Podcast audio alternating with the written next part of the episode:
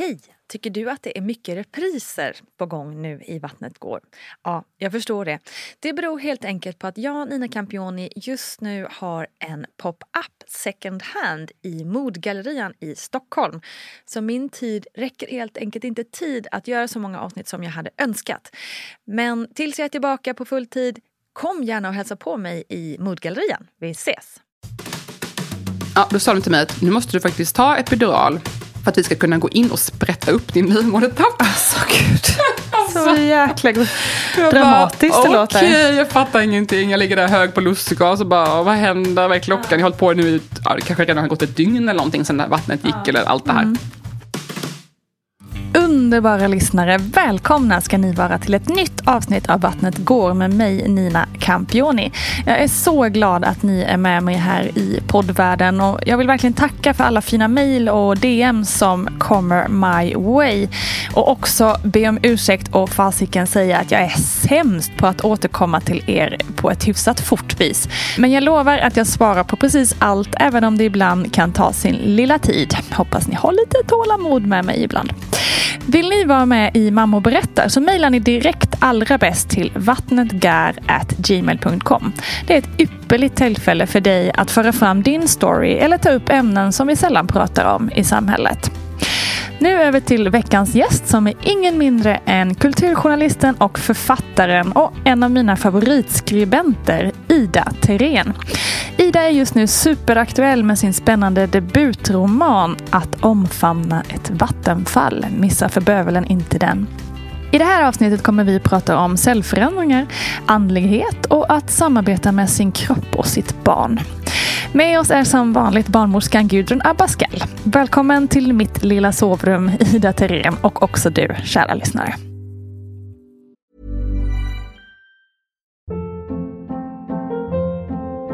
Hold up. What was that? Boring. No flavor. That was as bad as those leftovers you ate all week. Kiki Palmer here, and it's time to say hello to something fresh and guilt-free. Hello Fresh. Jazz up dinner with pecan-crusted chicken or garlic butter shrimp scampi. Now that's music to my mouth. Hello Fresh. Let's get this dinner party started. Discover all the delicious possibilities at hellofresh.com. Hey, I'm Ryan Reynolds. At Mint Mobile, we like to do the opposite of what Big Wireless does. They charge you a lot, we charge you a little. So naturally, when they announced they'd be raising their prices due to inflation, we decided to deflate our prices due to not hating you. That's right. We're cutting the price of Mint Unlimited from $30 a month to just $15 a month. Give it a try at mintmobile.com slash switch. $45 upfront for three months plus taxes and fees. Promote for new customers for limited time. Unlimited more than 40 gigabytes per month. Slows. Full terms at mintmobile.com. Mom deserves the best, and there's no better place to shop for Mother's Day than Whole Foods Market. They're your destination for unbeatable savings, from premium gifts to show-stopping flowers and irresistible desserts. Start by saving 33% with Prime on all body care and candles. Then get a 15-stem bunch of tulips for just $9.99 each with Prime. Round out Mom's menu with festive rosé, irresistible berry chantilly cake, and more special treats. Come celebrate Mother's Day at Whole Foods Market.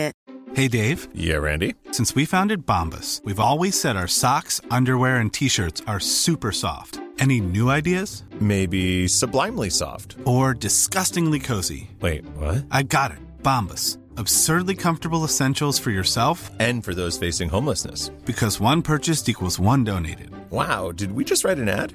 Yes. Bombas. Big comfort for everyone. Go to bombas.com slash ACAST and use code ACAST for 20% off your first purchase. Du, hur gick dina tankar kring att bli mamma? Jag hade längtat efter att bli mamma ända sedan jag var barn själv. Jag var en sån person som alltid vetat om att jag vill ha barn. Och jag förstår att det är lite som att det är antingen eller med det där, mm. tror jag. Vissa mm. människor vet det där, vissa människor vet inte alls. Men för mig var det jättestark längtan ända från typ tonåren. Och sen när jag var tidig i 20-årsåldern så började jag känna att min dotter ropade på mig. Mm. Jag började känna som att det är någon, någon som väntar på mig, någon som ropar på mig. Så kändes det. Och hon var ganska lik min dotter Nej. idag. Alltså det var som att jag hade en känsla av henne i flera år innan. Hon var ganska otålig och jag var lite otålig. Det var till och med så att jag gjorde slut med en relation, en pojkvän då, för att han inte ville ha barn. Han var yngre än mig. Mm. Så det var så starkt för mig. Och sen tror jag att det förstärktes också för att jag hade olika problem med livmoder och underlivsinfektioner och sådär. Och en grej som jag hade när jag var 23 kanske, 25, 25 var jag. Så fick jag en lunginflammation i äggledarna. Va? Ursäkta? Det var min um, dåvarande partner som hade haft en, haft en halsinfektion och rört sig i de regionerna då Ja. hos mig. Så det hade spridit sig och jag hade spiral då. Men så då gud. spreds infektionen in i äggledarna. Och det är ju ingenting som de informerar om, de informerar om spira- spiral. De Nej. säger så här, ja men du kan få ökad risk för könssjukdomar. Men jag fattade inte att det gällde för alla infektioner. Inklusive då Nej, och min partners en halsinfektion. sån typ av infektion tänker man ju verkligen inte på. Men gud. Så jag fick en ganska allvarlig infektion och var jättesjuk och var inlagd i flera dagar och fick intravenös antibiotika. Och de sa bara, ah, men det här kan ju påverka dina chanser att bli, barn, bli gravid. Och jag var så här 25, Jäklar. vet, var ganska så här, oj, jag vill ju jättegärna ha barn. Så- jag var Vad väldigt- sjukt. och min, min kille då, han ville inte alls ha barn på, liksom, på länge. Han var ju till och med yngre än mig, så han var ju så här, jag vill inte ha barn på tio år. Och jag bara, men det här går ju inte. Så att det var en viktig anledning för mig att faktiskt inte vara ihop med honom längre. Inte bara därför, men... Så det, var- så starkt var det för Ja, mig. verkligen. Och vilken tankeställare liksom att, Ja. att en sån grej kan påverka hela den operation, liksom del, det Ja. li, delen av livet också. Exakt. ju galet. Så jag var jätteorolig för det där. Och sen ganska snart när jag träffade en ny kille så ville jag ha barn. Och det gick ganska fort att vi började liksom testa. Och sen så ja, blev det inte riktigt som vi hade tänkt oss. Så det tog ganska lång tid. Jag fick faktiskt göra IVF till slut. Det är en lång historia. Som, ja, det, det är lite lång historia. Men, men vad det beror på det vet vi inte riktigt. Men så var det i alla fall. Och, så det var ju väldigt planerat. Även om vi var då förhållandevis unga jämfört med de människorna omkring oss. Ja, för hur gammal var du? Jag var, hade bara, jag var 27 när jag blev gravid och jag hade precis fyllt 28 när jag fick min dotter. Och jag, jag jobbar som författare och kulturjournalist. Alltså jag rör mig mest med människor som är lite så kreativa och konstnärliga och så. Och det var ju ingen där som hade tänkt skaffa barn förrän de var kanske 35. så vissa skaffade inte barn alls. Ehm, så att det var liksom ingen eh, i min omgivning som hade barn. Eh, vi var ju lite bekanta då. Ja, eller? precis. Det var vi. Hängde på klubbarna Hängde på ibland. klubbar. Jag drev en klubb och Nina spelade skiva Eh, ibland. precis.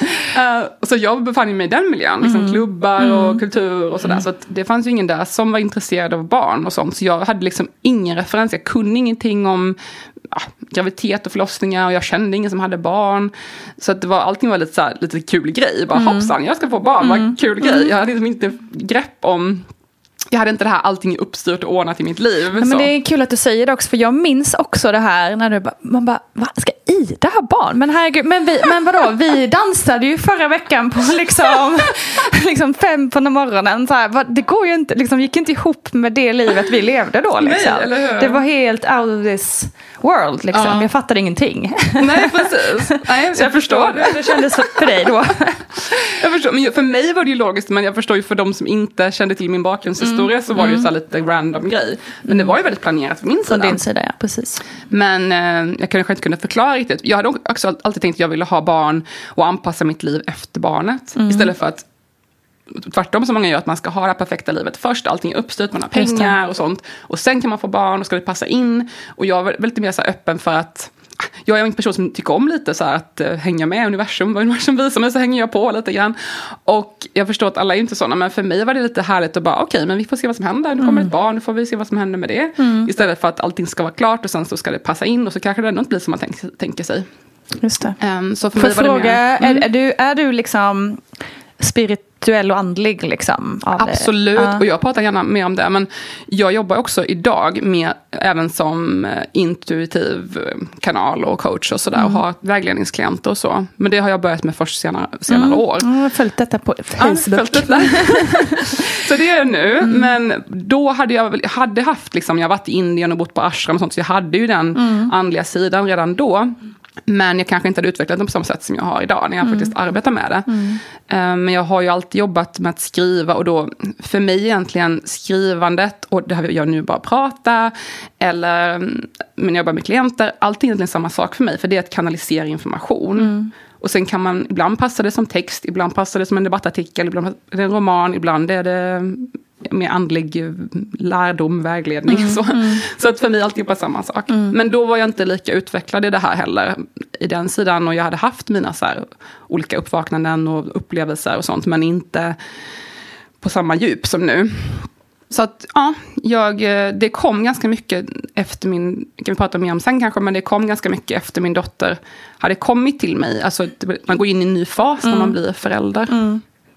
Det blir ju verkligen så. Ställs på sin spets på ett helt annat sätt. Ja, Men hur, hur var känslan då när du liksom blev gravid eh, efter en IVF-resa?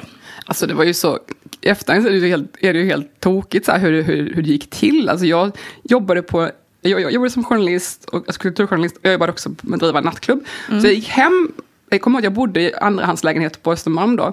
Så jag gick hem från klubben på Stureplan klockan typ tio på kvällen, tog en spruta på IVF-spruta, gick tillbaka till klubben som att ingenting hade hänt.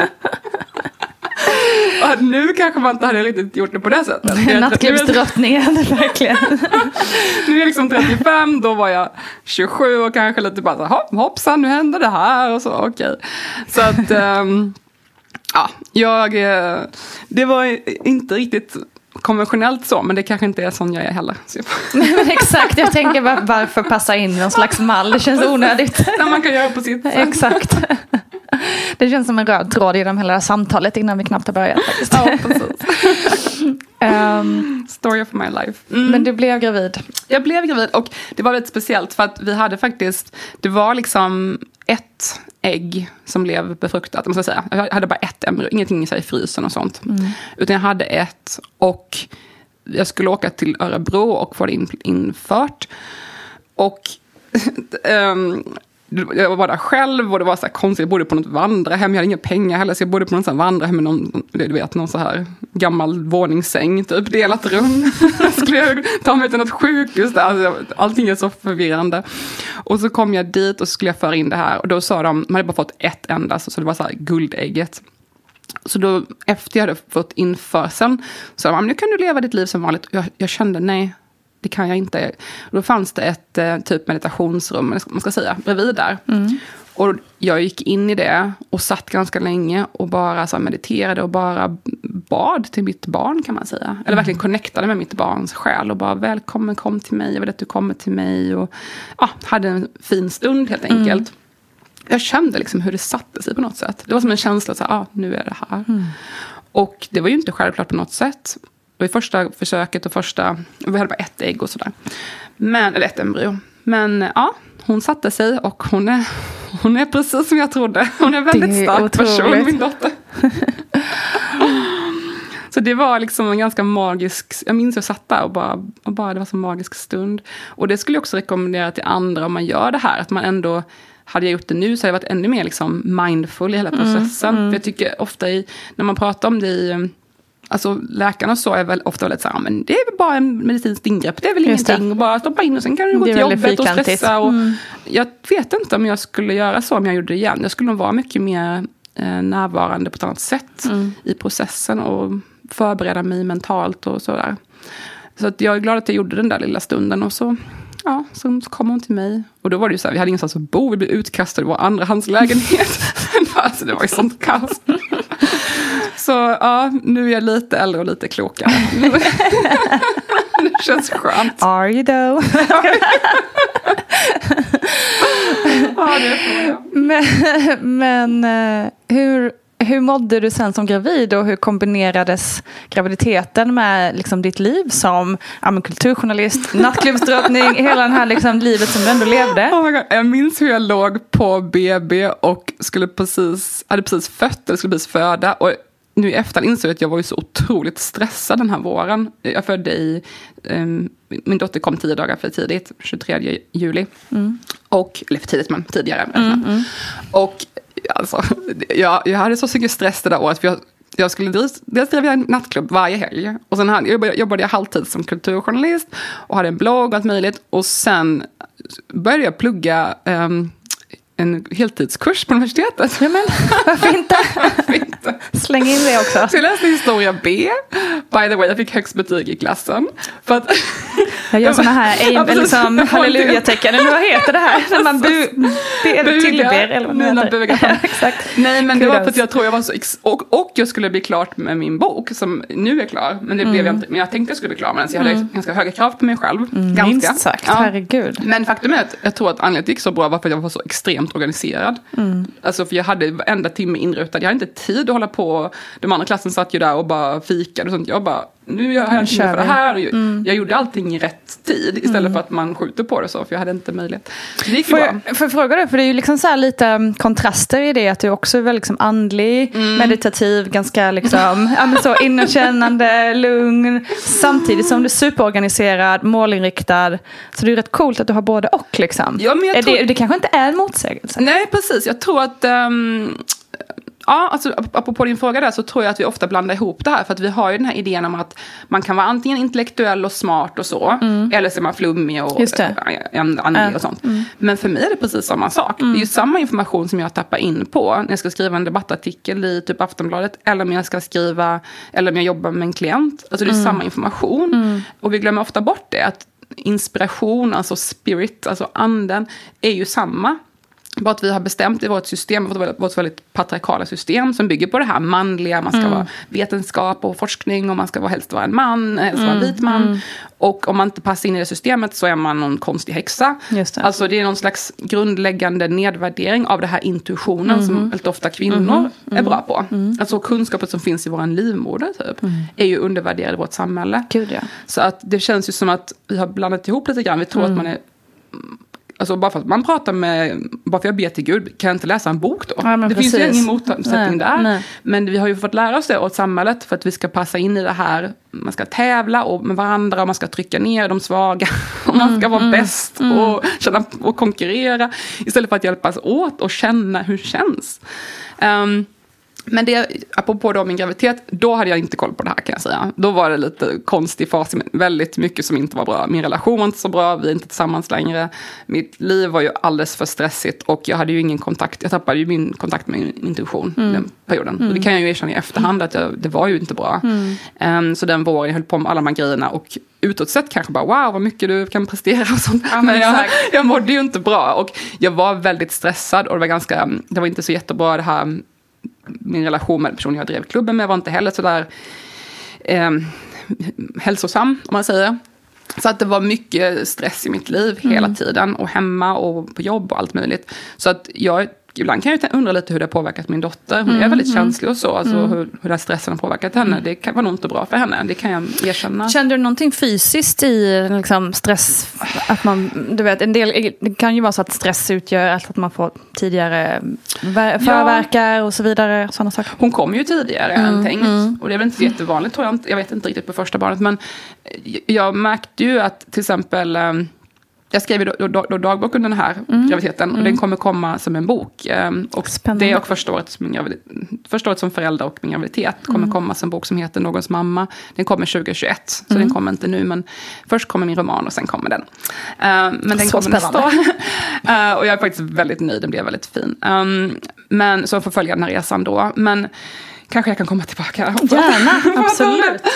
um, nej men, oh, jo, jag skulle säga att under den här processen så jag, en sak som jag tänker på i efterhand, att jag, det finns två saker som jag önskar att jag gjorde annorlunda, eller som jag kommer göra annorlunda om jag någonsin får barn igen. Vilket jag skulle vilja, men jag är singel sedan fem år, så vi får se hur det går med den saken. Um, eh, en sak var att jag drack kaffe, och det känner jag i efterhand, det var ju bara för att jag skulle orka. Och det var ju, jag skulle ju inte orkat. Jag skulle ju tagit en paus. precis. Det var ju att köra över mig själv.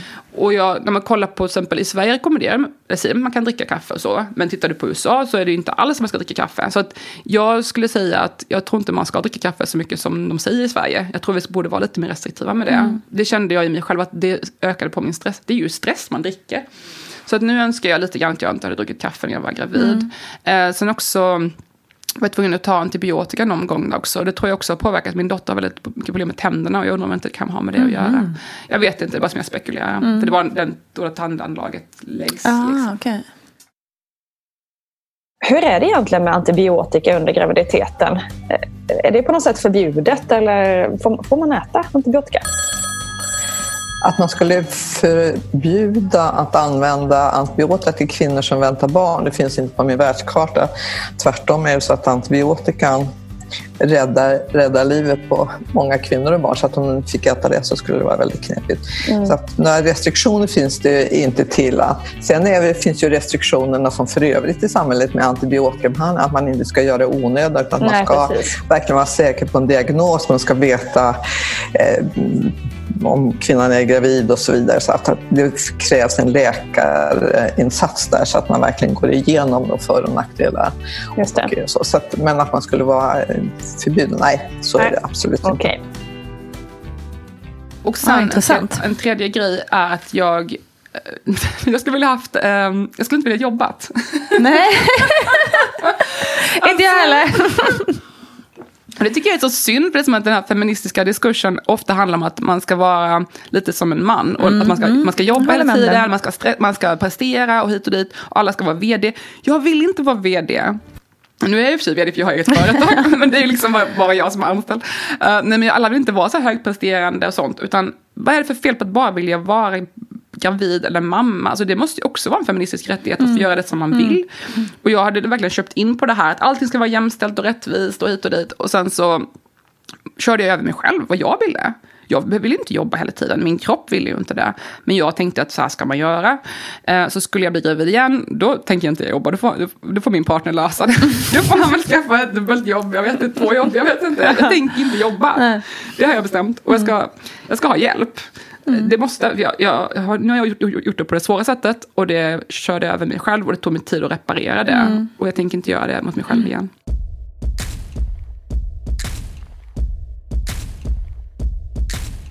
Jag har ju en, liksom en tanke eller liksom en idé om att alla borde vara liksom, liksom pre-föräldraledig den sista sista trimestern i alla fall. Som ser tre ja, sista månaderna, verkligen. eller två sista månaderna. För det är så många som eh, ändå mår liksom, eh, stressdåligt eh, mot slutet av graviditeten. Och man är ju liksom, då är ju verkligen en tid som man ska bara sit back, relax. Ja. Ta hand om dig själv, ta hand om din kropp. Verkligen. Um, Sen vet jag inte hur det ska lösas politiskt i det här landet. Men, men jag tror att det skulle under, jag tror att, jag tror att så här, för tidigt födda skulle mm. drastiskt gå ner. Jag tror liksom att hela den här grejen med att liksom komma igång med amning eller ja, sådana saker som man kanske vill ska ske och som bara knyter sig. Eh, kan underlätta jättemycket om man bara får ha lite lugn och ro. Och vad kostar riktigt, det för liksom. samhället med om du, om, du, om du skulle säga att det påverkar för tidigt födda till exempel. Det kostar jättemycket pengar. Jättemycket pengar. Um, och alltså, även skador och sånt som uppstår. Alltså, alla komplikationer liksom. Ja. Nej, alltså jag mm. tror verkligen att jag hade Intressant. behövt vila mer. Och ge mig själv den tiden. Jag skulle skriva klart min bok, tänkte jag. Den romanen som kommer nu, den tänkte mm. jag skriva klart. Och jag skulle göra det här och det här och det här sista månaden innan jag skulle föda barn. Alltså nu, skulle jag föda barn nu skulle jag bara lägga mig och kolla på tv. Mm. Eller typ kolla ut genom fönstret eller någonting. och för, alltså, man vill ju bara vara själv. Man vill mm. ju inte umgås med folk. Mm. De flesta av oss. Man vänder sig inåt. Mm. Det är också det som skapar, man, man, man, möter sig själv och man möter barnet som ännu inte syns, men det finns ju fortfarande. Och sen när man väl, när man väl kommer ut så har man redan, framförallt tror jag som du säger, din idé där, kommer minska också förlossningsdepressioner jättemycket. Mm, mm. Och det, vad, vad är priset av det? Liksom? Mm. Oh, herregud. Problem med anknytning, problem med mm. måendet. Mm. Och jag har flera vänner som har haft jättemycket förlossningsdepression. Alltså det skadar ju, de får ju men i flera år ja, för att de ja, går runt och tänker på det Precis. och får inget stöd av samhället. Nej, det finns ju noll stöd. Noll, eh, vissa som har fått jättebra hjälp men det är inte helt lätt, mm. helt klart. Men, ja, jätteintressant. Men jag mådde uh, faktiskt ganska bra under min mm. graviditet. Rent liksom fysiskt. fysiskt. Och så. Mm. Men det vet man ju inte vad det berodde på. Jag var ju 27 också som sagt. Så det kanske inte hade varit, nu kanske jag inte skulle må lika bra. Mm. Um, men jag mådde jättebra och kände mig verkligen snygg. Mm. stora bröst, alltså jag älskar att ha stora bröst. det var det bästa med graviditeten. jag kände mig så sexig och kvinnlig. Så här rosiga kinder och mm. ja, jag kände mig riktigt snygg. Men hur, ehm, jag tänker på det här liksom förändringen ändå i ditt liv då och sen som mamma, men det kanske den stora förändringen kanske skedde när du väl var förälder, kanske inte så mycket under graviditeten.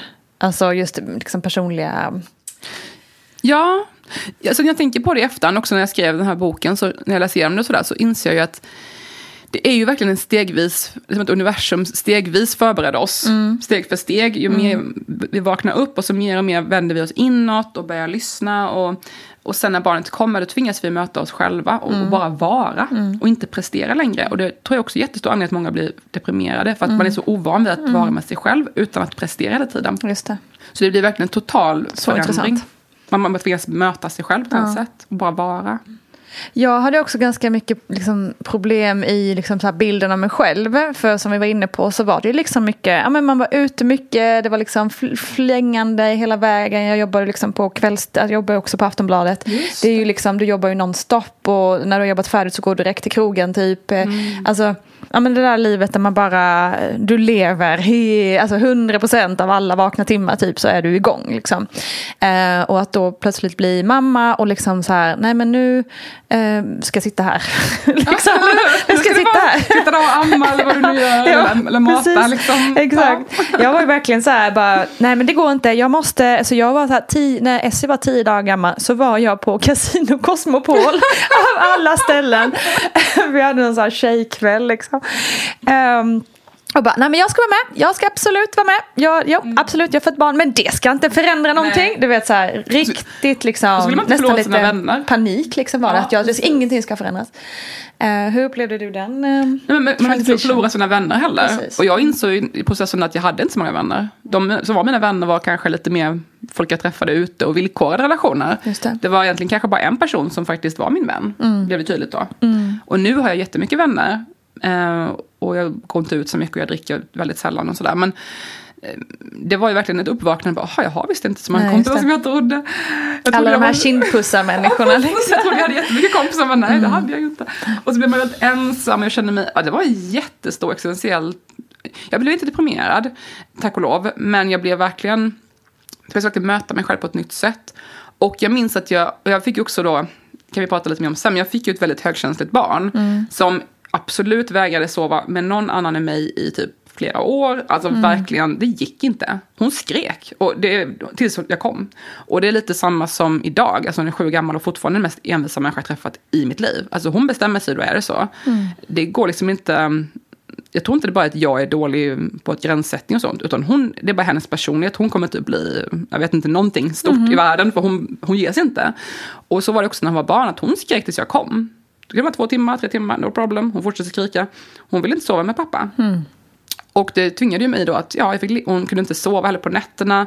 Så jag fick ju, alltså hon sov så himla dåligt, eller somnade väldigt, svårt, svårt att varva ner och somna. Eh, och ammade jättemycket och sådär. Och var väldigt känslig person, hon ville ha det här. Trygg, var jättenära. Och när alla andra barn efter öppna förskolan, när alla andra barnen somnade efter allt lek, då var hon vaken tills jag gick in i ett mörkt rum. Så jag kunde inte sitta och fika med de andra mammorna. Jag det. kunde gå hem för att hon skulle vara i ett mörkt rum. Och, så att jag, jag tvingades verkligen in i det här 100 procent. Jag kunde inte gå till Casino Cosmopol, fast jag kanske hade velat. Det vill man ju. Det gick inte, alltså jag kunde inte. Så att jag tvingades ju verkligen möta det här full on och mig själv full on framför allt.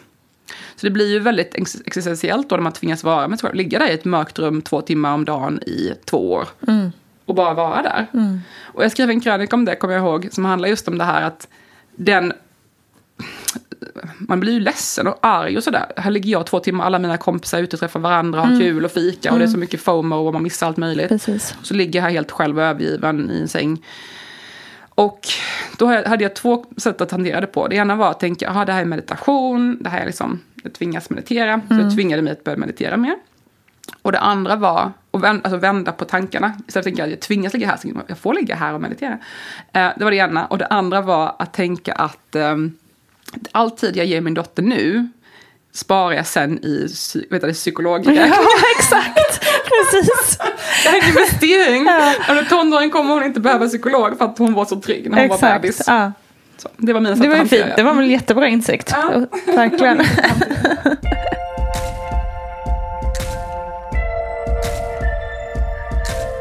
Men om vi backar bandet till eh, graviditeten igen. Hur, eh, hur gick dina liksom, tankar kring förlossning och förberedelse för det? Jag, var ju, jag visste ju inte så mycket. Till slut hamnade jag i en föräldragrupp. Jag tror det kanske det var, var det innan jag födde eller var det efter jag födde jag gick med i gruppen nära föräldraskap. Då var den ganska liten, jag tror att det finns säkert kvar fortfarande, men då var det en ganska liten grupp. På Facebook eller? På eller Facebook, det- Mm. som kan handla om nära föräldraskap och så, om, om engelska attachment parenting. Alltså, I Sverige är det ju nästan standard nu, men länge var det ju ett ganska radikalt sätt att se annorlunda på föräldraskap än det här traditionella, att man är lite mer lyhörd och så. Med ank- fokus på anknytning och sånt. Så jag började lära mig lite mer om det, men jag tror kanske det var först efter jag fått barn. Så att jag var ganska clueless då innan. Jag hade liksom ingen att prata med, jag gick inte på några graviditetsgrupper och sånt, för jag ville inte hänga med andra mammor. De var ju vuxna liksom. De var ju vuxna, exakt så var det. De var ju vuxna. Jag, vet, jag var på en så här amningskurs och det var ju så bra. Det önskar man ju. Att, jag har skrivit artiklar om det här också. Jag önskar att det var gratis med amningskurserna. För de kostar nu sådär 800 eller 1000 kronor. Och det är ju ingenting för kanske för dig eller mig som, som, som har medelklass och sådär. Men är man typ en ung ensamstående morsa, 800 spänn kan vara jättemycket Mm. Det pengar. är sjukt och då mycket pengar faktiskt. Och det är exakt de människorna som, som ammar minst unga, liksom, och, mm, lägre utbildning, de ammar ju minst. Och de kanske inte går på den här kursen för den kostar 800 spänn. Så det är de som märker skillnaden. Så jag tycker det borde vara gratis för alla. För att det är också en investering för samhället. För att fler ammar, det är ju, tjänar Alltså, alla pengar på. ja, verkligen. Eh, Men jag gick på en sån här amningskurs i alla fall. Den var nog gratis. För det var en sån grej som jag kanske inte hade betalt för. Om det kostade tusen spänn. Jag hade typ inga pengar. Så att det hade varit kanske en avgörande grej för mig. Men jag tror det var gratis fortfarande då. Och jag gick på den här kursen och var jag och ja, vi kanske var tio stycken och de andra var liksom så här 40 och hade så businesskläder och jag hade någon trasig trikåklänning och min kille så hade vi någon skjorta, alltså som han hade haft trasig skjorta. Vi kände oss så himla utanför. Jag minns att jag tyckte de var så vuxna de andra. De var så 35-40 och jag tyckte att, så att det var lite sådär, jag kände inte riktigt att jag hade ett sammanhang och jag visste inte så mycket. Så när jag skulle förbereda förlossningen, det var alltid var lite som ett skämt. Jag bara, hoppsan, ska jag bli förälder? Vad kul, kul grej. Typ. Det var inte ens på riktigt. Um, och jag hade ju inte med mig till förlossningen, jag hade inte med mig några tofflor, jag hade inte med mig några extra kläder. Eller, jag hade liksom inga tofflor, vet jag, jag önskar att jag hade haft. Det hade jag inte. Mm. Det är skönt att... Precis, det är ju faktiskt Alla rätt skönt att ha. Ja. Sitter man där och ser alla mysiga i tofflor. Ja, precis. Jag några s- skor när jag, när jag ska gå på toa. När man ska böja sig och sånt. Det var rätt jobbigt.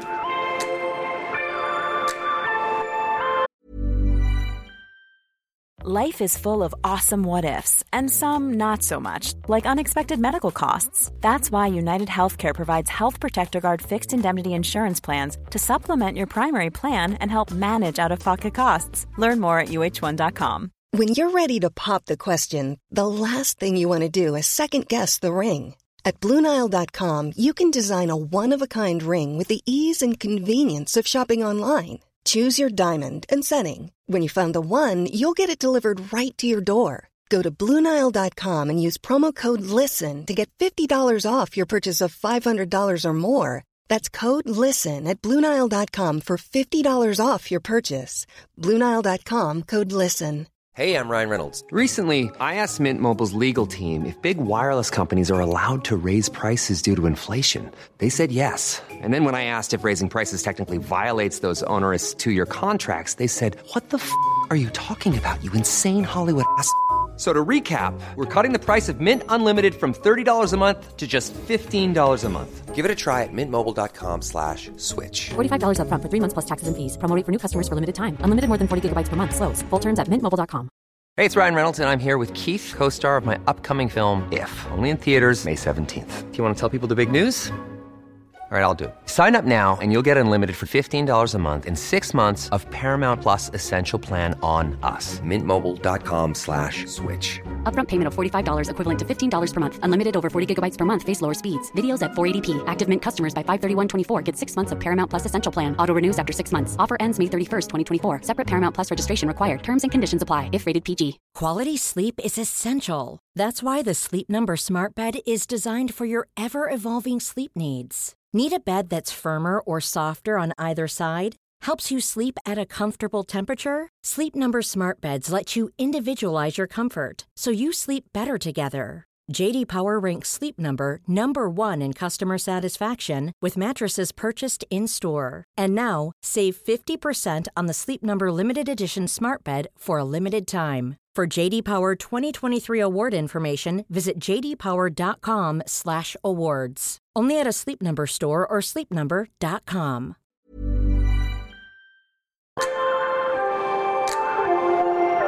Du har inte läst så mycket om förlossningen? Absolut inte. Hur blev det då? Ta, ta oss dit. Jag önskar att jag hade din podd då Nina. Ja, exakt.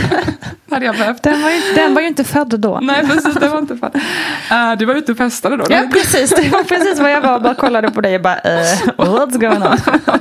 Hon tappat. Oh, Gud. Ja, jag blev, vattnet gick. Vattnet gick? Mm. Och det gick um, i en uh, intim situation. Nej, är det sant? Va? Det har inte hänt i poddens historia? What? Gud. Vad roligt. Ja, alltså, jag vill inte hänga ut uh, min före detta partner, men jag pratar om mig själv då. Ja. Jag fick orgasm. Ja. Och då gick vattnet. Shit vad coolt! Ja. Fasen vad häftigt. Mm. Och var det då liksom bara, uh, what's going on? Typ. Eller var liksom Jag efter. ser det här som en, liksom, en, någon slags komedi med Seth Rogen eller något. Ja, kanske ska bli det. Nej, jag kommer inte ihåg, men det var kanske strax efteråt. Det var kanske precis efteråt. Mm. Att ja, det var ju en ganska så här, ja, men kraftig eh, känsla då. Och sen då, kort därefter gick vattnet. Och eh, jag var lite så här, oj vad är det här, vad händer nu? Oj, det var mitt i sommaren också. Um, varmt ute och sådär. Och då fick vi åka in och sådär. Um, och i och med att det tog sån tid, för efter vattnet hade gått, tog det sån tid innan in, och ingenting hände. Så då fick jag vara inlagd över natten, så det var ju lite lyxigt. Sen när det var dags att föda fick, hade jag ju redan en plats förberedd, för att de hade mig redan på kontroll. Och jag blev till slut, det hände ingenting efter vattnet. Jag gick och gick i trapporna där uppe vid SÖS, du vet, upp och ner där vid kolonilotterna. ingenting hände. Okej. ehm, det tog sån himla tid. Och som sagt, jag har ingen uppfattning om vad som, vad som var normalt heller. I efterhand så tog, tänker jag, herregud, det tog flera dagar att föda barn för mig. Men det fattade inte jag att det var Nej, något. Jag visste ju inte vad jag skulle förvänta mig. Så jag bara gjorde som de sa eh, i vården. Och jag tyckte jag fick ganska, alltså, jag förstår ju efterhand nu att det kunde varit mycket bättre på grund av resurser och så. Men under omständigheterna så tycker jag ändå att det var väldigt bra. Eh, de gjorde verkligen ett bra jobb, sjuksköt- sjuksköterskorna och sådär. Men jag blev igångsatt och det har jag också fattat i efterhand kanske inte är det bästa. Nu när jag vet lite mer och så. Men då var det så, jag hängde på vad de sa. Så jag blev igångsatt. Och sen tog det ännu mer tid. Och sen började verkarna. Och det tog så himla tid. Det var som att jag inte riktigt var... Min kropp var inte mogen, typ, kändes det var som. inte Det var som att det var redo. inte redo. Alltså, det skulle inte riktigt. Men som sagt, min dotter är väldigt, har väldigt bråttom. Fortfarande är hon Bestämd. väldigt ivrig och bestämd. Passar in i hennes personlighet. Eh, och till slut så blev jag då, åkte jag ner på förlossningsavdelningen från den andra avdelningen. Och fram och tillbaka där. Men då insåg de ju efter ett ta- ett tag att, jag ville använda bara lustgas. Jag hade fortfarande den här hip- hippien i mig som inte ville ta massa mediciner och sånt. Där, där var jag ju redan i min utveckling att jag ville inte hålla på med alla kemikalier. Och jag får inte håret, jag använder inte schampo och sådär. Jag har hållit på med i tio år. Innan jag visste vad det hette. Nu heter det no poo har jag lärt mig. Men Vad heter det? No poo, när man inte No använder poo. schampo. Nu finns det, det låter, nu finns det låter som något helt annat. No poo. Man bara, jag har slutat bajsa. Jag har slutat bajsa. Nej, men nu vet jag att det finns ett Ah, namn för det. Men jag har okej. alltid varit så här, du vet, Ah. använt menskopp eh, sedan tio år. Ja, alltså. Mm, när det inte någon visste vad det var och sådär. Så jag har alltid varit lite så här hippie på det sättet. Men jag hade inte, min hippieness hade inte tagit sig till förlossning. För jag visste inte att man kunde vara hippie med förlossning Just ännu. det. Så det här med hemfödsel och sånt visste jag inte riktigt om. Nu skulle jag säkert jättegärna vilja göra en hemförlossning. Mm, Eh, Om jag kan hitta en man. Först ska jag hitta en man. De behövs inte. Nej men du, Nej, alltså, förlåt alla pappor. Man, jag, men alltså efter att ha varit ensamstående, gud, jag, Ja. jag tänker inte göra det själv. Nej. Så känner jag. I alla fall. Ehm, ja, så att jag hade inte fattat att man kunde vara lite mer hippie då, men jag fattade ju att jag, inte, att jag ville vara närvarande och andas. Men jag höll på med yoga länge, sedan jag var typ Mm. 20. Så att jag visste ju att jag kunde göra yoga, andning och meditation. och sånt, Så det ville jag ju göra. Så jag ville bara ha lustgas. Och det var inga problem, jag höll på med den lustgasen fram och tillbaka. Men sen insåg de ju då efter ett tag, det hände ju ingenting. Att det var, då fattade de, tycker jag nu i efterhand lite sent, det kanske de borde fattat tidigare, att jag hade ju ärrbildning i livmodertappen. Som stoppade saker från att röra på sig. Som då kommer från att jag har haft också, på tal om att jag har haft olika problem. Jag har också haft problem med HPV och cellförändringar. Något som jag har kämpat med fram tills nyligen. Ehm, Vad är APV? HPV. förlåt. HPV. Eh, Det är ju sådana här, ehm, ja, som gör att man får, det är ju ett virus som man kan få, som må- många har, bär på, eh, men som kan bli cellförändringar. Det. och det är också det som de vaccinerar Just unga tjejer för nu. Och sådär. Ehm, Men i alla fall så har jag haft problem med det där fram och tillbaka. Och ja, nu har jag antagligen eh, läkt det naturligt, får vi hoppas, att man håller i sig. Och det verkar som att det, det verkar som att det håller i sig. Men då hade jag problem med det och hade fått operera det där. Och då hade det blivit ett litet ärr i livmodertappen. Mm. Och det förmodligen var därför det inte kunde öppna sig riktigt. Mm. Hur är det med det här med cellförändringar? Hur kan tidigare cellförändringar och den här koniseringsoperation påverka kommande förlossning? Ja, det här med cellförändringar eh, då gör man ju då genom att man gör en, en operation, alltså en konisering, att man tar bort vävnad från livmoderhalsen och livmodermunnen som man skär bort. Och det i sin tur kan göra att det blir en ordentlig ärrvävnad, precis som när man gör ett snitt i huden eller någon annanstans. Och som vi vet allihopa, med ett ärr så kan det bli väldigt stramt och ja, det är inte samma elasticitet som huden för övrigt. Så att det här är ett, ja, ett välkänt fen- fenomen att kvinnor som har gått igenom en konisering, inte alla, för vissa så kan man inte märka någonting, men det är inte ovanligt att man känner när man undersöker, känner på modermunnen att den är väldigt stram och oeftergivlig. Så att kvinnan kan ha väldigt mycket verkar, kontraktioner och så kanske modermunnen öppnar sig till 3-4 centimeter så blir det stopp där. Och det här kan ju vara väldigt smärtsamt och så vidare. Men efter ett tag så är min erfarenhet i alla fall att så ger ärret, ärrvävnaden efter och så fort, fortgår sedan eh, förlossningsarbetet och modermunnen öppnar sig i normal takt. Men att det kan vara väldigt smärtsamt just innan det här med ärrvävnaden har givit med sig.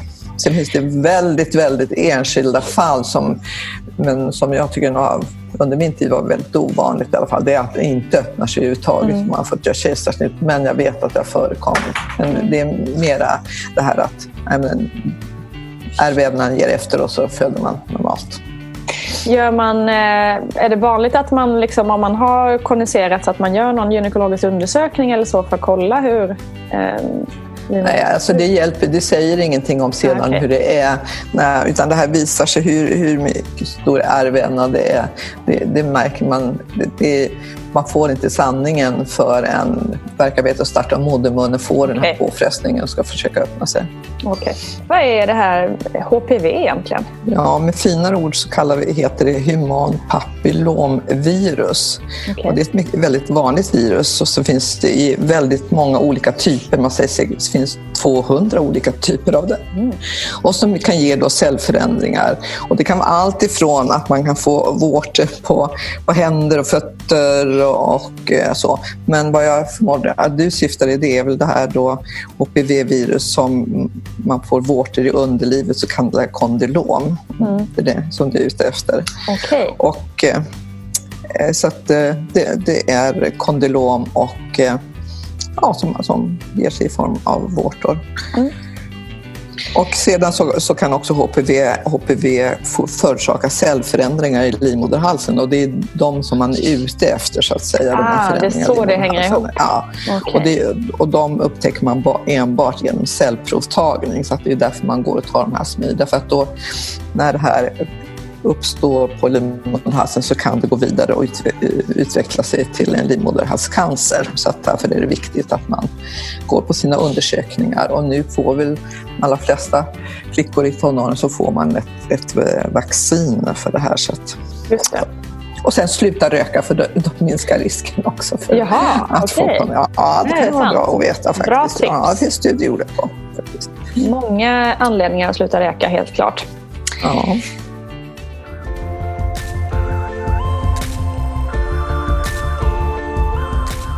Ja, då sa de till mig att nu måste du faktiskt ta epidural för att vi ska kunna gå in och sprätta upp din livmodertapp. Alltså gud. Så jäkla dramatiskt bara, det låter. Okej, jag fattar ingenting. Jag ligger där hög på lustgas och bara, vad händer? Vad är klockan? Ja. Jag har hållit på nu, ja, det kanske redan har gått ett dygn eller någonting här vattnet gick Ja. eller allt det här. Mm. Så jag bara, ha okej. Då får jag väl göra det då. Jag litar på, jag litar på dem. Mm, Det är lite så mm. när det kommer till proffs så bara, jag får bara ibland får man Mm. bara släppa taget och Mm. bara, ja, ni får bestämma, jag vet Mm. inte. Ibland, ibland får man ju fortsätta. Men då var jag så pass ung också, jag visste inte vad som man skulle fortsätta. Ehm, ja, så jag eh, fick epidural och de gick in och sprättade upp det där. Och sen då började väl, då kunde saker börja röra Då på drog sig. det igång liksom. Då drog det igång. Och sen gick det ganska fort. Eh, De bad mig krysta och sådär. Och det, men sen så hände det heller ingenting. Och det var så himla omständigt för att de började undra vad hände. Och sen så har, plötsligt sa de, ah, men nu är det dålig syresättning här. Nu måste vi skynda på det här. Så det var ju lite läskigt. Plötsligt så åkte risen bara. Det var lite läskigt för man visste ju inte, ha, kommer hon liksom kvävas? Vi höll på jättelänge. Och då tog de fram sugklocka. Så att jag, då kom det, eller jag låg redan krystade och sådär. Då kom det in en till läkare, eller en till ja, läkare med en sugklocka och något, stort verktyg i handen. Jag visste inte vad det där var. Så kom min värsta så här. Det ser rätt obehagligt Precis, ut. så här toa. Ja, just det. Så man rensar. Rensa toa. I typ metall och jag bara, jag visste, jag visste inte vad en sugklocka var. Så jag ligger där och krystar och så, de bara, nu får du fortsätta pusha och jag bara gör som de säger. Eh, och som sagt, jag gör min yogaandning där och ligger och liksom bara andas och sådär. Så det var ju skönt att jag har ändå, tack vare typ yoga och sånt, så har jag ändå rätt bra kontakt med min kropp på det sättet. Så vissa andra delar kanske jag inte hade då, men den hade jag i alla fall rätt bra koll. Så det tycker jag också rekommenderar alla att hålla på lite med yoga eller meditation eller vad det kan vara. För det Verkligen. hjälper ju att få kontakt med kroppen. Så då låg jag där och krystade och sen, jag fattade inte ens att det var klart för det gick så fort. Plötsligt så bara Okej. med den där sugklockan. Så jag var beredd att krysta igen och då ser jag att de håller den här bebisen. Um, Ja, sjuk känsla. så det var jättekonstigt. Jag visste inte ens att det var klart. Jag var beredd att krysta och så bara, "Ha, nu är bebisen här. Wow. Ehm, och då hade jag sagt till förut att jag ville verkligen amma. Jag ville att de skulle lägga den hos mig. För jag har sett den här jättefina videon på den här amningskursen om, vad heter det nu, den här eh, gyllene timmen, eller vad det heter. Så jag hade sett- en video om det, de barnet kryper till bröstet. Mm, jag bara, det vill jag testa. Så då hade jag turen, det var väldigt fint. Mm. Även om allt det här var väldigt dramatiskt och jobbigt så tack vare att det var så fint tror jag faktiskt hjälpte mig att läka hela Mm, upplevelsen. För då la de min dotter, jag visste inte ens vilket kön det var. ehm, för jag ville, ville inte ta reda på könet innan, jag ville att det skulle vara öppet. Mm. Så jag, ville, jag ville kunna möta barnet för den det var. Oberoende vilket könsorgan. Jag ville kunna vara öppen för Mm. dess person så att säga. Så la de mitt barn då på mitt bröst och så sa de andra, vill du inte veta vad det är för kön? Jag bara, just det ska jag kolla. Så sa jag att det var en, en um, kön, kvinnligt kön på den, eller ett kvinnligt kodat kön. Och så la vi henne vid bröstet så kröp, så fick jag se henne krypa mot bröstet själv. Fint. Så fantastiskt. Och började vad heter det, amma, liksom, ta, ta sig till bröstet och amma. Eh, så det var ju fantastiskt att vi, fick igång amningen ganska snabbt där. det var ju väldigt lyxigt. Och sen var det ju lite turer där kring amningen såklart. Det var inte helt självklart. Det, det, man behöver ju oftast lite hjälp. Så det var Jo, ju, så är det verkligen. Ja. Och det är inte alla som är beredda på att man faktiskt behöver det. Ehm, du hade ju gått den här kursen, det var ju skitbra. Men, eh, Det räckte ju inte. Nej, precis. Och det upplevde jag också första gången då. Att man bara, jaha, det, bara, det funkar inte bara. Utan man måste lära Nej. sig lite, kämpa lite. Och liksom, det är ingen självklarhet. Och många, det är så synd det här att alltså forskningen visar att nästan alla människor kan amma. Eller alla ja, med bröst kan amma. Men det är ju tyvärr stödet som saknas ofta. Man har inte någon referens och kunskap och man får ingen hjälp, man får ingen stöd. Och strular så har vården väldigt lite kunskap. Typ läkare får kanske en timmes utbildning i amning, två timmars utbildning. Och så går vi till dem och tror att de barnläkare ska vara experter. De har kanske pluggat två timmar. Jag kan nog mer om amning än de flesta andra läkare. Och ändå så vänder vi till dem som experter och så kommer de med dåliga råd. Och det är jättedålig kunskap om amning. nej, men det är svårt som nybliven mamma. Man hamnar liksom mitt, emellan. Uh, man tillhör liksom, eh, plötsligt tillhör man BVC och då är det liksom fokus på barnet och allt det där. Nej, jag önskar verkligen att det var större kunskap just Ja. inom vården om amning. Det är så olika också vem man hamnar hos. Någon kanske är jätteintresserad personligen Mm. och någon är ointresserad. Så att jag hade tur att det fick, fick det att funka och så. Men Mm. det är verkligen ingen självklarhet. Och jag önskar att fler fick hjälp och stöd med det där. Och jag, tror jag, jag tror jag hittade till amningshjälpen och sånt till slut. Där. Men jag hade ändå hyfsat enkelt med amningen relativt mot många andra och så. Mm. Så det kom vi igång med ganska fort. Men hon hade ju gul- gulsot. Ah, okej. Så vi var inlagda en, vi var faktiskt kvar en vecka på BB. Men det var faktiskt ganska skönt. för att jag lyssnade på det, Jessica, vad som var gäst nyligen i din podd. Och jag tror att hon sa någonting om att hon ville, hon ville åka därifrån. Jessica Hallbäck. Ja, precis. Och för mig var det tvärtom, att jag bara, jag vill aldrig åka härifrån. Jag vet inte hur man tar hand om en bebis. Visa mig hur man gör. Alltså, vi låg och kollade på vi fick ett litet patientrum och låg och kollade på film typ, i en vecka. Väldigt lyxig liksom. Ja, men det är fantastiskt. Det var liksom, när allting är bra. Man bara, åh, här, här har man ju all catering. Man har liksom, trycker på en knapp får man hjälp. ja, jag fattar precis. Men du, eh, jag bara tänkte på det här med eh, liksom cellförändringar, anledningen till att de fick liksom sprätta upp din, eh, livmodertapp låter ju så groteskt. Men alltså, för man får ju den där frågan om man har opererats för cellförändringar och sådär eh, på MBC liksom inför. Man tänker ändå så här, det måste ju finnas en anledning till att ni ställer den frågan och är så noga med när det hände och så vidare. Men så gör man ändå ingen undersökning på det. Det känns lite konstigt liksom. Nej. Det här borde, ett sånt problem som du fick då, det skulle man ju rent teoretiskt liksom kunna upptäcka i förväg känns det som. Ja, och jag glömde säga en sak som jag faktiskt glömt bort. Ehm, men jag fick ju, det var ju, just det, just det. Jag hade ju lite förkortad livmodertapp. Vi har ju två operationer. Så min livmoder, de tar ju bort lite grann på Mm, livmodertappen mm. varje gång. Så att det var ju lite oroligt att jag skulle, mot slutet, att det skulle Mm. påverka mm, längden. Och det kan ju också vara därför som jag fick lite tidigare födsel. Nu var det inte så mycket tid, men det var ju lite tidigare. Mm. Så jag var faktiskt inne hos en doktor och skulle kolla på det. Så det var, men det var ju mer om längden var tillräckligt. Och han sa att den är lite förkortad så du får ta det lite lugnt. För att det var om jag skulle sjukskriva mig och sådär. Ah, ja, ja. Men eh, i och med att mitt jobb var ganska, jag då jobbade jag mest, alltså jag kunde jobba hemifrån och så. Så jag behövde inte gå, hade jag haft ett ansträngande jobb kanske man sjukskrivit mig. Mm. Alltså fysiskt ansträngande. Men, ehm, men nu i efterhand, alltså skulle jag bli gravid nu, skulle jag vara jätteförsiktig. Mm. Ehm, det, jag fattade ju inte riktigt alls.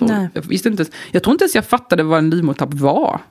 Det är ju så lite Nej, kunskap nej, man nej, ofta har om precis. sin egen anatomi. Exakt. Nu vet jag ju ungefär, typ, men det är ju, jag lär mig nya saker hela tiden. Om underlivet och Mm. om steaming och, och, och jag, ångbastu, alltså underlivsbastu. Man lär sig nytt hela tiden. Mm. Sånt som man önskar, jag är ändå 35 år gammal och intresserad. Mm. Så man kan ju tänka hur lite folk i allmänhet vet. Verkligen.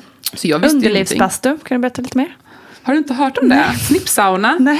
Då vill jag promota det lite. Ja, gör det. Ja, det här är ingenting som jag säljer, men jag följer på Instagram. Alltså följ henne, hon är bäst. Wild Okej. herbarista. Ja, bäst, skriver jättefina inlägg på svenska om eh, det här. Och hon, det hon gör är att man, man ska göra det här, inte under själva graviditeten, men man gör det typ precis runt förlossningen Mhm. och postpartum. Du kanske kan ha henne som gäst. Ja, verkligen. Låter Ehm, jättespännande. hon jobbar med det här och säljer sådana här örter och sånt. Och individ- individanpassade steamingprodukter. Och då ska man sitta och ånga inför under ett, en, en ångande gryta kan man säga. Och det här, man, jag har läst på ganska mycket om det här och, och testat det själv också. Och grejen är att det har ju använts i alla tider. Alla kulturer, eller många kulturer. Men det har ju, så mycket gammal kunskap har ju försvunnit. För ofta går det från kvinna till kvinna, mor till dotter. Och sen så kommer den här läkaren in och säger att nu är det så här vi ska göra. Och lyssna inte på någon gammal tant. Lyssna på läkarna. Det är ju som typ i Indien nu till exempel. Ehm, jag, jag var ju också intresserad av sån här tidig potträning. Så min dotter började ju, vi började med nästan på, nästan på BB att hålla på med sån här EC. Så hon var ju blyfri, i alla fall för bajs vid sex månader. Och sen ehm, i princip torr när hon var ett eller ett och ett, ett och ett halvt ungefär. Det är inte dåligt alltså. Nej, men det, är ju ingen, det kan ju alla. Det är bara att vi inte ofta vet hur Nej. vi ska läsa signalerna. Nej. Vi tror att vi kan läsa, lära det till valpar och sånt. Men vi tänker att vi kan inte göra det med människor. Det är ju jättekonstigt. Men i alla fall, så jag, det hade jag hört på radio, så så hade jag plockat upp det där. Men när man läser på, jag har också skrivit artiklar om det här och så, när, när man läser på om det. Det är ju så galet, till exempel i Indien har man alltid gjort så. För det är också varmt ute, då kan man ju lätt bara kissa här i sanden eller gräset. Det är svårare i Sverige, man har en Jo, overall på dem. Absolut. Men nu har ju då läke, läke, alltså företagen som vill sälja blöjor och då kanske vänder sig till Indien till exempel. Och bara okej, nu ska alla ha blöjor, det här är det rätta, det här gamla sättet är gammalt och fel, det ska inte göra så här gammalt, det är bara förr i tiden. Nu är det moderna sättet ska ha en blöja. Och då har man fattiga människor som köper blöjor. Plötsligt har vi ton, ton, ton blöjor, blöjberg. Mm eh, Som förstör naturen och som kostar pengar för fattiga människor och tänker att det här är utvecklingen. När det egentligen kanske inte var så dumt som det var. Så att det finns jättemycket sådana grejer som man börjar ifrågasätta när man börjar, när man börjar gräva i När det man börjar här. nysta i det ser man de här kommersiella mönstren. Precis. Jätteintressant. Jag kommer inte ens ihåg vad vi Snipp pratade om det. sauna, Just det, det vi pratade om. people. Nej, men när man börjar gräva lite i de här sakerna så finns det jättemycket att lära oss som vi inte vet. Eh, och så nu, nu skulle det vara kul att få barn, om jag får barn igen skulle det vara jättekul för jag har så mycket kunskap nu som jag inte visste förut och se hur det skiljer sig. Men sen är jag ju också äldre nu så det kanske, kanske det inte är lika lätt på andra sätt. Nej, nej precis. Men jag tänker den här snippsnauna, snippsnauna, snipp, snapp, snut. Den här eh, snippsaunan, vad är det då liksom ångan ska göra? Vad är det som gör att det är bra? Nu är jag inte någon expert på det här, men jag har läst, följt olika konton som skriver om det här. Och idén är ju att man slappnar av med, sam- med ångan. Mm, mm. Det slappnar av på djupet. Det blir nästan som en liksom... Ja, men som en vanlig bastu liksom. Ja, fast, fast det blir nästan som en meditativ grej, Mm. fast på djupet. Mm. Och, och man kan också rensa ut sjukdomar, till exempel bakteriell vaginos, det är många som är friska från. Man, Det sitter, sitter någon liten slemklump där inne som Mm. ska bort. Mm. Eh, Jag har en kompis som har gjort det här nyligen nu, och gått ångat i tre månader med hon den här kvinnan. Och hon har eh, fått jättestora förändringar, hennes bröst har blivit mindre. För att det har påverkat hormon, eh, Mm. någon obalans i hormonerna. Ja, Jag, jag kan inte förklara alltihopa, men det här är sånt som har funnits jättemycket i traditionell Så läkekonst. intressant. Men nu då, varför det inte finns forskat på det så, det. så är det fel. Jätteintressant, gud, spännande.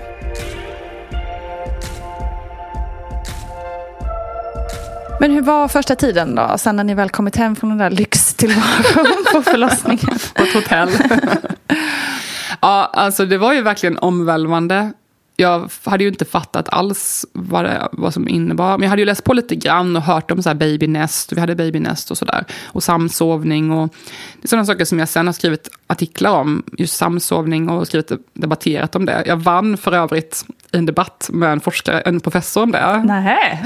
Jag kan nämna det nu. Snyggt! Ja, alltså, det var, jag har skrivit en artikel om att det är konstig idé att barn ska sova själva. Det är jättekonstig grej. Var har vi Mm. Jag fått det med. ifrån? Det är ju helt påhittad grej. Klart att barn vill vara nära sina föräldrar. Mm, ja, visst. Det är ju o- det är ju Det är otryggt för dem. tre sängar. Ja, jag ser här, vi är i Ninas sovrum och jag ser att det är tre sängar här inne. Jag uppskattar det. Nej, men att det är så konstig grej. Bara, "Ha, varför ska barn sova själva? Klart de vill vara med sin trygga person. Alltså, ehm, Vi vuxna vill ju sova tillsammans, så Ja, varför skulle inte barnen vilja det? exakt. Mm. Så det finns så mycket konstigt i det här. Och det som händer är att vi vet ju att i princip majoriteten av alla föräldrar samsover med sina barn. Men de får ju ingen information och får bara höra att man ska inte göra det. Nej, det. Varför låter vi inte själva ta, folk ta ansvar och få lära sig hur samsover man säkert? Det finns jättetydliga riktlinjer, det finns massa forskning på det här. Eh, universitetet i Notre Dame, i um, University of Notre Dame i USA. Där finns jättemycket forskning, de har specialiserats på det här. De har gjort en lista på exakt hur man ska sova sam, samsova säkert. Så det finns väldigt tydliga riktlinjer Mm. och beforskning, beforskat. Men man lär inte ut det på Socialstyrelsen för att de säger nej men man ska inte sova med barn, det är farligt. Och var kommer den här informationen ifrån? Eh, Så jag har skrivit en, skrivit en debattartikel om det här och jättemånga som har spridit och läst och sådär. Och sen kom det upp en, ny, en professor som hade skrivit, jättekänd, alltså äldre man så, eh, som har skrivit en ny avhandling om det här. Och så kollade jag på avhandlingen och bara, det här är ju bullshit. För att problemet var, avhandlingen visade att det var farligt att samsova, det var hans slutsats. Men kollade på forskningen, det fanns ingen statistik över hur folk hade samsovit. Var de, Mhm, ja, alltså okej. sov de typ i en soffa? Precis. Var det av misstag? Var det medvetet? Mm. Var det så här uppstyrt i en säng utan kuddar? Eller eh, var föräldern alkoholpåverkad? Det. Var den, hade den tagit sömnmedel? Var den kraftigt överviktig? Mm. Alla de här risk, risk, riskfaktorerna som finns, som finns tydliga riktlinjer, att Mm. ska man, då ska man inte samsova om man har de här grejerna. Om man går på tung medicin eller sömn, alltså, då ska man inte göra det. Mm. Men och man vet ju typ att om man till exempel ammar och samsover, det är jätteofarligt om man gör det säkert. Om man inte har typ Absolut. tusen kuddar och sånt. Mm. Men det fanns ju absolut ingenting i statistiken som visade vad det var för omständigheter. Alltså kan jag inte dra en endaste slutsats från det där. Nej, det går ju inte. Men hur ska man då veta vad det Det låter väldigt... och det är farligt att samsova. Ja, Men- om du sover på en soffa och är full, det kanske det är ja, farligt. ja, visst. Men de flesta föräldrar gör ju inte det. Så jag, då blir jag så här, vad- vad- Vad konstigt forskat och dra slutsatser från... eh, Liksom. Och då tänker du och jag, men det här är ju Ingenting. självklart.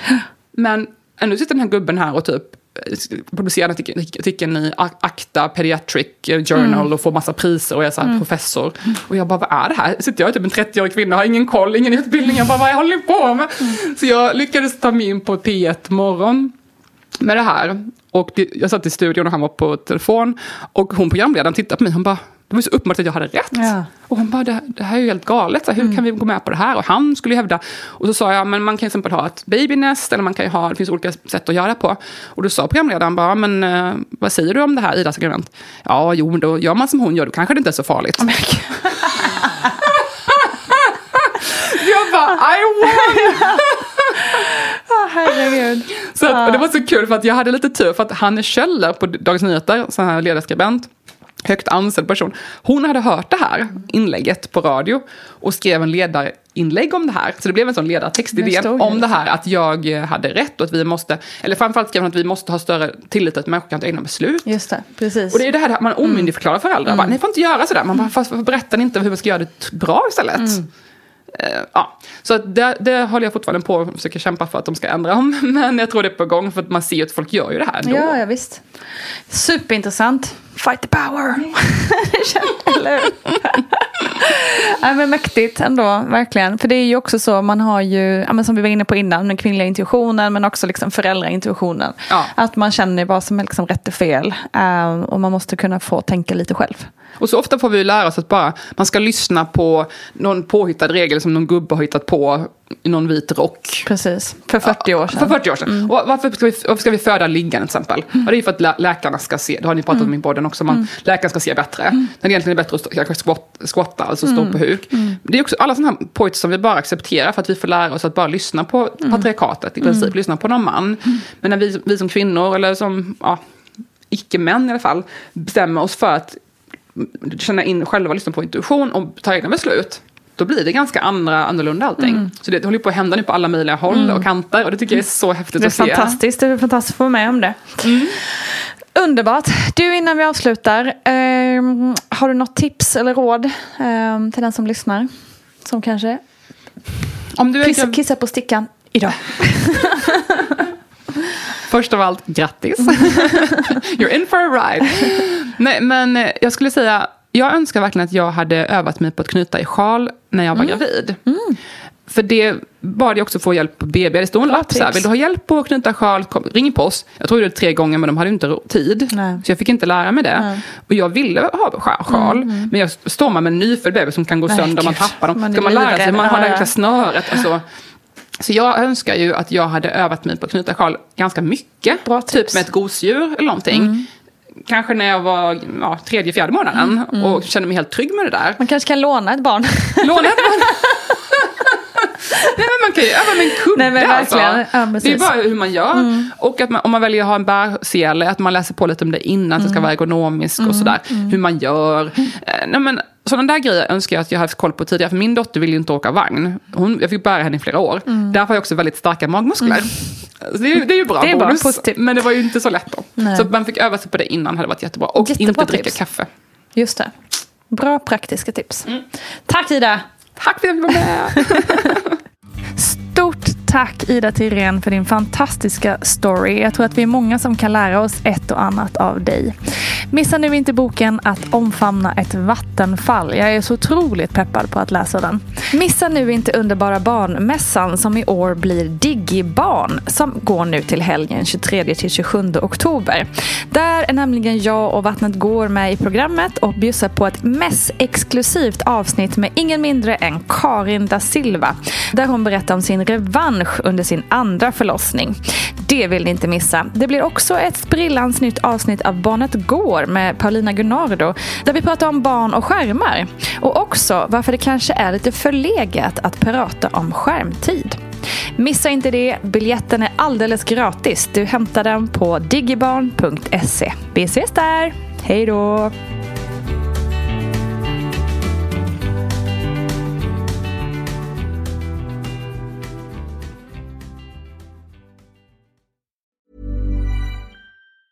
Planning for your next trip? Elevate your travel style with Quince. Quince has all the jet setting essentials you'll want for your next getaway, like European linen, premium luggage options, buttery soft Italian leather bags, and so much more. And it's all priced at 50 to 80% less than similar brands. Plus, Quince only works with factories that use safe and ethical manufacturing practices. Pack your bags with high-quality essentials you'll be wearing for vacations to come with Quince. Go to quince.com slash trip for free shipping and 365-day returns. Hi, I'm Daniel, founder of Pretty Litter. Did you know cats tend to hide symptoms of sickness and pain? I learned this the hard way after losing my cat, Gingy. So I created Pretty Litter, a health monitoring litter that helps detect early signs of illness by changing colors, saving you money and potentially your cat's life. Pretty Litter is veterinarian developed, and it's the easiest way to keep tabs on your fur baby's health right at home. Go to prettylitter.com and use code ACAST for 20% off your first order and a free cat toy. Terms and conditions apply. See site for details. Imagine the softest sheets you've ever felt. Now imagine them getting even softer over time. That's what you'll feel with Bowl and Branch's organic cotton sheets. In a recent customer survey, 96% replied that Bowl and Branch sheets get softer with every wash. Start getting your best night's sleep in these sheets that get softer and softer for years to come. Try their sheets with a 30-night guarantee. Plus, get 15% off your first order at bowlandbranch.com. Code BUTTERY. Exclusions apply. See site for details. Mom deserves the best, and there's no better place to shop for Mother's Day than Whole Foods Market. They're your destination for unbeatable savings, from premium gifts to show-stopping flowers and irresistible desserts. Start by saving 33% with Prime on all body care and candles. Then get a 15-stem bunch of tulips for just $9.99 each with Prime. Round out Mom's menu with festive rosé, irresistible berry chantilly cake, and more special treats. Come celebrate Mother's Day at Whole Foods Market.